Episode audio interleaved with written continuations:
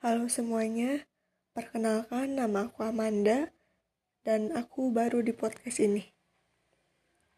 Pernah gak sih dalam hidup kalian ada satu momen di mana kalian anggap itu tuh momen yang berarti entah itu sebagai momen hari jadi atau momen di mana kalian merayakan hari kehilangan itu sendiri. Dan ya di podcast pertamaku aku akan menceritakan sebuah perayaan kehilangan yang semestinya nggak harus dirayakan sih. Cuma ya aku mau aja gitu.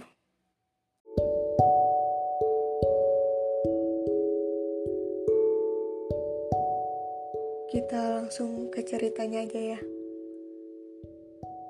Ya, akhirnya untuk yang kesekian kali aku sampai di tanggal ini. 24 November. Hari di mana kamu memutuskan pergi. Setiap di tanggal dan bulan ini, aku selalu memperingati sebagai hari kehilangan yang mungkin bagimu sama aja seperti hari-hari biasanya.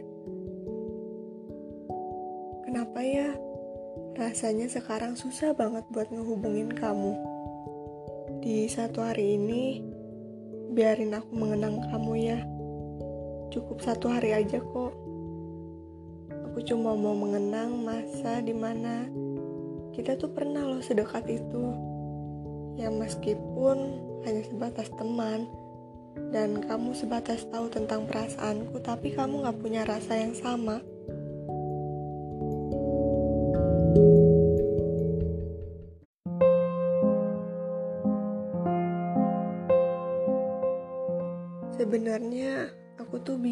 ceritain kamu dari mana? Ya karena ternyata benar kita tuh nggak pernah memulai suatu cerita. Tapi kenapa endingnya serasa benar-benar nyata dan sakitnya sampai sekarang? Aku masih inget banget pertemuan kita pertama kali. Dan menurut aku kalau diinget-inget itu tuh lumayan lucu.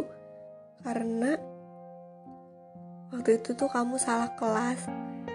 Kamu tadinya di kelas akuntansi 1 tapi seharusnya kamu di kelas aku yaitu akuntansi 3 dan entah disebut keberuntungan atau malah petaka ya aku sekelas sama kamu. Dan dulu tuh aku lagi masa-masanya suka baca Wattpad dan gimana sih ya aku ketika baca Wattpad seorang cowok fiksi bad boy gitu terus ngelihat kamu sebagai refleksinya di dunia nyata itu tuh rasanya kayak wah gitu. Wah banget aku bisa ngelihat kamu bisa ketemu kamu dan satu kelas gitu. Dan ya singkat cerita dari situ kita jadi saling kenal bahkan kita jadi teman dekat. Kamu menjadi cowok pertama yang mendengarkan semua hal-hal aneh yang aku bicarakan Bahkan waktu aku bilang, aku pengen jadi astronot dan kamu jawab, nggak ada astronot yang lemah. Omongan kamu emang pedes, tapi aku ngerasa itu semua benar. Terus ya, yang paling aku ingat itu waktu kita duduk sebelahan main ludo. Hebohnya bukan main. Aku yang biasanya diem nih, kalau sama kamu jadi ikutan berisik. Tapi waktu itu kamu curang bagian bidak aku yang jalan masa sama kamu dihalangin supaya gak makan bidak kamu. Waktu itu kita rebutan sampai gak sadar kamu nahanin tangan kiri aku sementara tangan kanan aku nahanin tangan kamu. Ngerti gak sih? Ah kalau kamu inget tanpa harus aku jelasin berulang-ulang, harusnya kamu ngerti. Di situ akhirnya kamu menang Waktu itu kamu heboh banget padahal cuma sekedar main ludo. Tapi lihat kamu senyum kayak gitu, aku ikutan seneng. Jantung aku loh itu gak aman banget. Masa dia dugem? Emangnya cinta tuh kadang memabukkan. Oh iya buat kalian yang dengerin podcast ini, mungkin aku gak akan ceritain secara detail banget karena itu bisa menghabiskan banyak waktu. Jadi aku singkat-singkat aja ya bagian penting-pentingnya aja loh dan momen-momen sama dianya Sampai akhirnya kita tiba di tanggal 24 November di beberapa tahun yang lalu.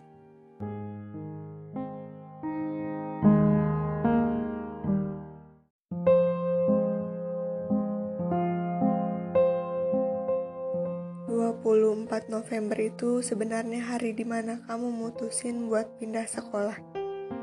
Tapi bagi aku sama aja seperti hari kehilangan kamu, ya karena sama-sama gak ada sosok kamu. Aku ingat waktu pas kamu pindah, kamu pernah kirim pesan ke aku ngucapin banyak terima kasih karena udah bantu kamu selama di sekolah. Dan kamu bilang gini, You are my best fucking friend. Terdengar kasar tapi lucu. Terus aku kira kita bakal selesai gitu aja, tapi ternyata enggak dengan perasaan aku. Perasaan aku tetap maunya kamu. Sekeras itu aku menginginkan kamu. Seyakin itu aku untuk bisa sama kamu. Dan setangguh itu aku memperjuangkan kamu. Kita waktu itu masih sering saling kirim pesan. Aku ingat kita pernah janji buat main bareng. Kita mau nonton bioskop film Insidious. Tapi gagal terus karena kamu yang batalin. Padahal aku cuma lagi janji kamu pas kamu bilang, kalau mau main ajak aja gua ya. Gue gak sombong kok orangnya. Iya, kamunya emang gak sombong, tapi perasaanmu yang terlampau tinggi untuk bisa aku gapai dengan banyak cara. Akhirnya komunikasi kita cuma sebatas saling kirim pesan. Serupa teman dekat tapi perasaanku selalu gak tahu tempat. Aku maunya lebih. Selalu begitu. Tapi aku juga sadar diri. Kamu tahu tentang perasaanku dan gak menjauh aja aku sudah sangat bersyukur dan bisa bernapas dengan lega. Jadi aku takut jika mengatakan tentang perasaanku untuk yang kesekian kali. Iya, kesekian kali soalnya aku tipe orang yang gak bisa mendem perasaan lama-lama.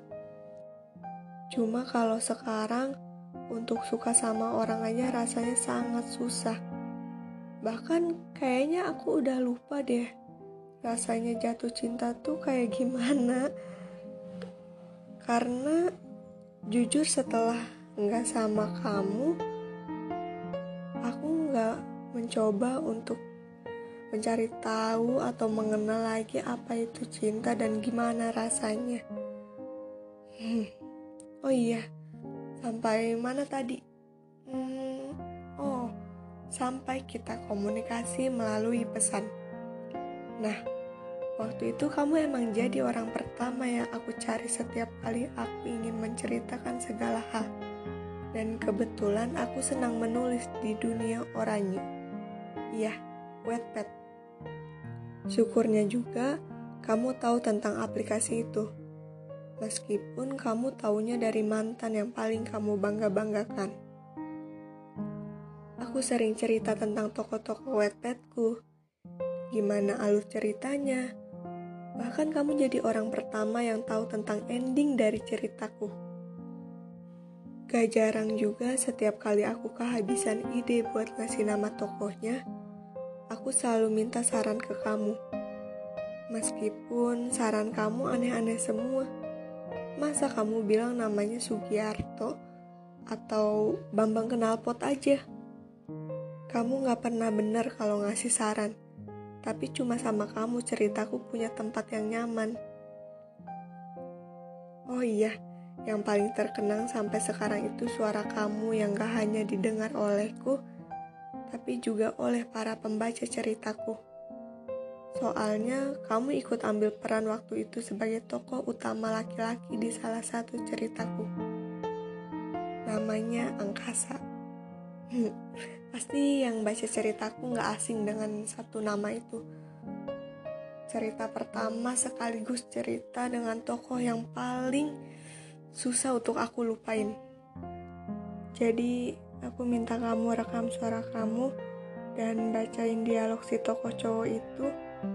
Dan anehnya kamu mau-mau aja. Bukan hanya sekali, dua kali, tiga kali aku minta, tapi berkali-kali dan kamu tetap menyanggupi. Dan alhasil kamu tak hanya abadi di kisah hidupku, tapi juga di cerita fiksiku. Aku dibuat jatuh cinta berkali-kali setiap mendengar rekaman itu. Terus yang aku ingat tentang kamu yaitu setiap hari ulang tahunmu, biasanya aku datang ke rumah kamu dan bawain kamu hadiah. Di ulang tahun kamu waktu itu, aku pernah kasih kamu botol berisi 18 kapsul harapan. Terus aku kasih kamu scrapbook yang isinya semua puisi yang aku buat tentang kamu, juga foto-foto kamu semasa kita satu sekolah. Jadi sekedar informasi aja buat kalian, Dulu tuh waktu sekolah aku duduknya sama dia tuh depan belakang. Jadi kalau dia lagi tidur atau dia lagi main game, aku tuh cosplay jadi paparazi gitu loh. Hmm. Oke lanjut. Uh, terus aku kasih bingkai yang isinya ada tiga atau empat foto. Itu aku udah lumayan lupa. Tapi aku masih ingat kalau background foto itu gambar pohon yang aku bikin dan di balik bingkai itu ada makna dari foto yang ditempel di setiap akar dan ranting pohonnya. Uh, aku kasih tahu intinya aja ya. Foto di akar itu melambangkan hari di mana kita pertama kali bertemu, terus tumbuh menjadi pohon dan merambat dengan banyak ranting. Foto di ranting itu aku lambangkan sebagai beberapa momen yang udah kita lewati sejauh itu. Dan kalian tahu nggak bagian terlucunya? Yaitu ketika aku nulis di sana gitu, kalau pohon itu belum ada buahnya. Kenapa? Karena aku bilang kalau suatu saat kita dipertemukan lagi, aku mau itu menjadi buah paling manis dari masa-masa itu. Dan saat kita bertemu lagi, aku akan mengambil foto aku dengan kamu dan mengabadikannya. Tapi sampai sekarang belum kesampaian. Sehabis ngasih kado itu, aku gak lama-lama di rumah kamu. Aku cuma minta foto bareng sama kamu sebelum pulang, meskipun muka kamu waktu itu masih muka bantal. Setelah kita foto, aku benar-benar pulang. Dan sesuai dugaan, begitu sampai rumah, kamu kirim pesan ke aku ucapan terima kasih dan kata-kata manis lainnya yang kamu gak akan pernah tahu kalau itu sangat bahaya untuk perasaanku. Beberapa waktu akhirnya kita lewati dan ya setiap orang ada masanya. Komunikasi kita mulai renggang aku dengan kesibukanku dan kamu dengan perempuan barumu. Kita sudah semakin jarang bertukar pesan. Tapi, andai kamu tahu, aku selalu mengecek akun sosial mediamu hanya untuk memastikan dirimu baik-baik saja. Aku juga rela bikin akun Twitter cuma buat bisa lihat keseharian kamu. Ternyata di Twitter kamu lebih sering menjadi manusia yang manusiawi kamu sering ngeluh di sana. Tapi yang menyebalkan itu, aku juga lihat beberapa postingan perempuan yang ternyata dia pacar kamu. Ternyata kamu udah punya pacar. Aku berusaha berdamai dengan perasaanku sendiri saat itu. Aku beranikan chat kamu lagi dan berusaha selayaknya teman. Bener aja sehari, dua hari, sebulan, dua bulan aku masih bisa menghandle perasaanku. Tapi enggak dengan lama-kelamaan. Perasaanku kian tumbuh lagi. Apalagi ketika tahu bahwa dengan perempuan itu kamu gak bertahan lama. Aku masih seyakin itu untuk bisa sama kamu.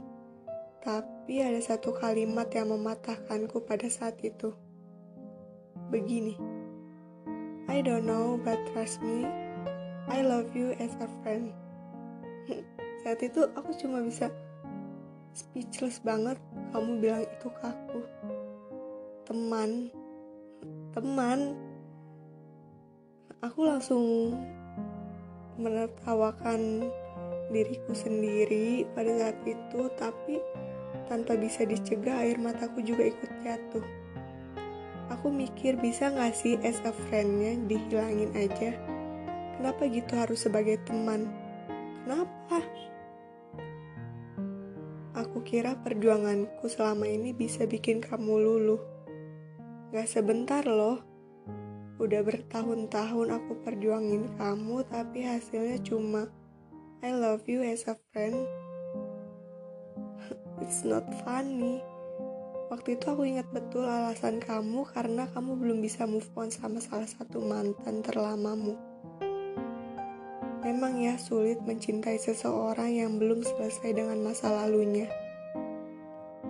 Karena aku tahu seberapa besar kamu mencintai dia ya akhirnya aku ngalah lagi dan lagi. Kamu bilang kamu ingin mencoba untuk pulang ke masa lalu dan aku mempersilahkan. Bahkan aku mendukungmu. Katakan saja aku munafik. Mendukungmu kembali dengan masa lalu sementara perasaanku saja maunya cuma kamu. Berantakan. Iya, Perasaanku waktu itu berantakan banget. Tapi benar bukan? Ketika seseorang mencintai dengan tulus, maka melihat orang yang dicintainya bahagia akan membuatnya ikut bahagia meskipun bukan bersamanya. Iya kan? Harusnya begitu bukan?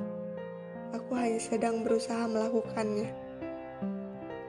Tapi kalian tahu Hal yang paling sangat menyakitkan yaitu ketika aku sudah mengalah dan memukul keras harapanku untuk bisa bersamanya, justru beberapa bulan kemudian kulihat dia sudah dengan perempuan lain.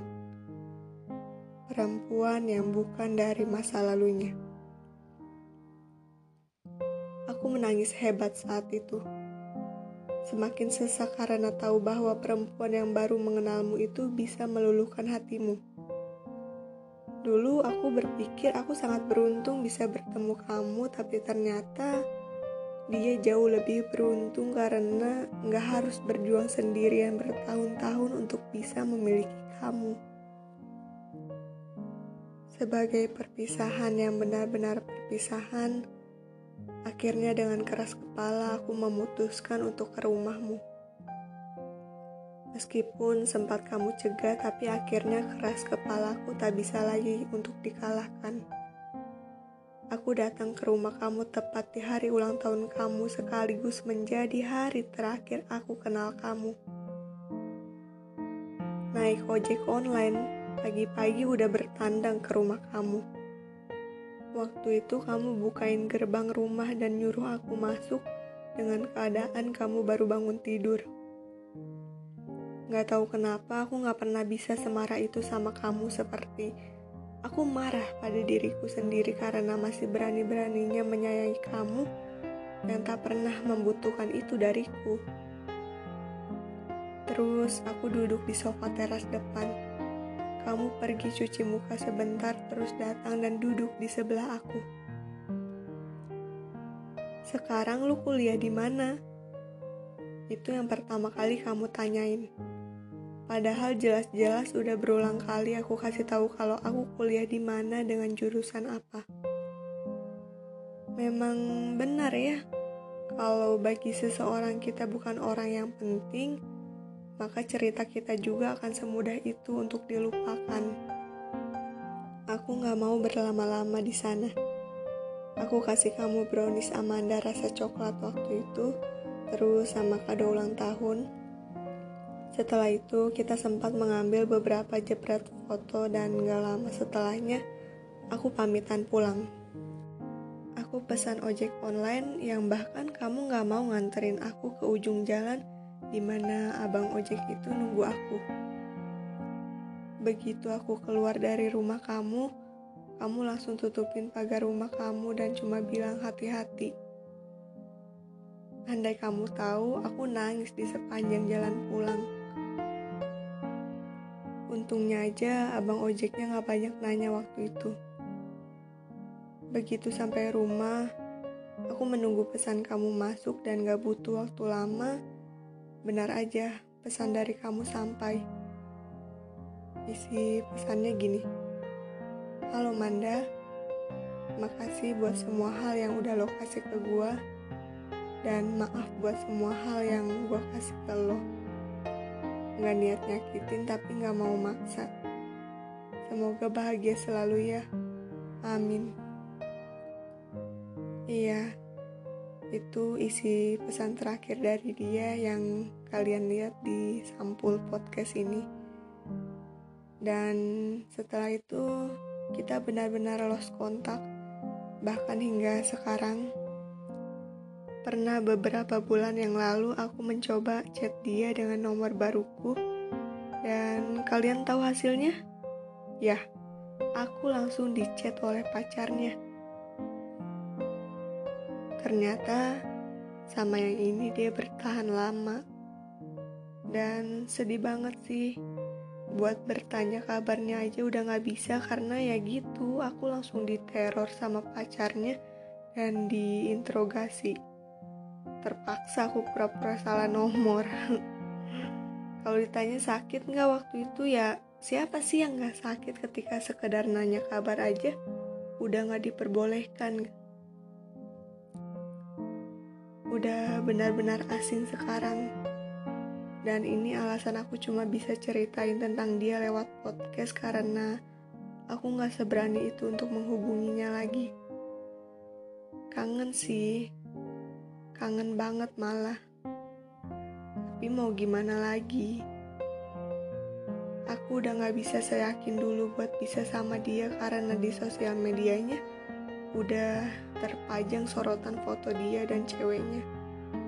Dan sialnya lagi ceweknya satu kampus dan satu jurusan denganku, hanya saja berbeda region. Jalannya takdir memang gak bisa ditebak ya. Dan ya, aku rasa podcast pertamaku udah makan banyak waktu banget. Maaf kalau agak ngebosenin buat didengar. Dan buat kamu kalau dengar atau nemu podcast ini, aku cuma mau bilang, kamu gak pulang ke masa lalu kamu waktu itu. Kamu cuma lagi cari cara supaya aku berhenti ganggu kamu. Harusnya kamu bilang itu dari awal.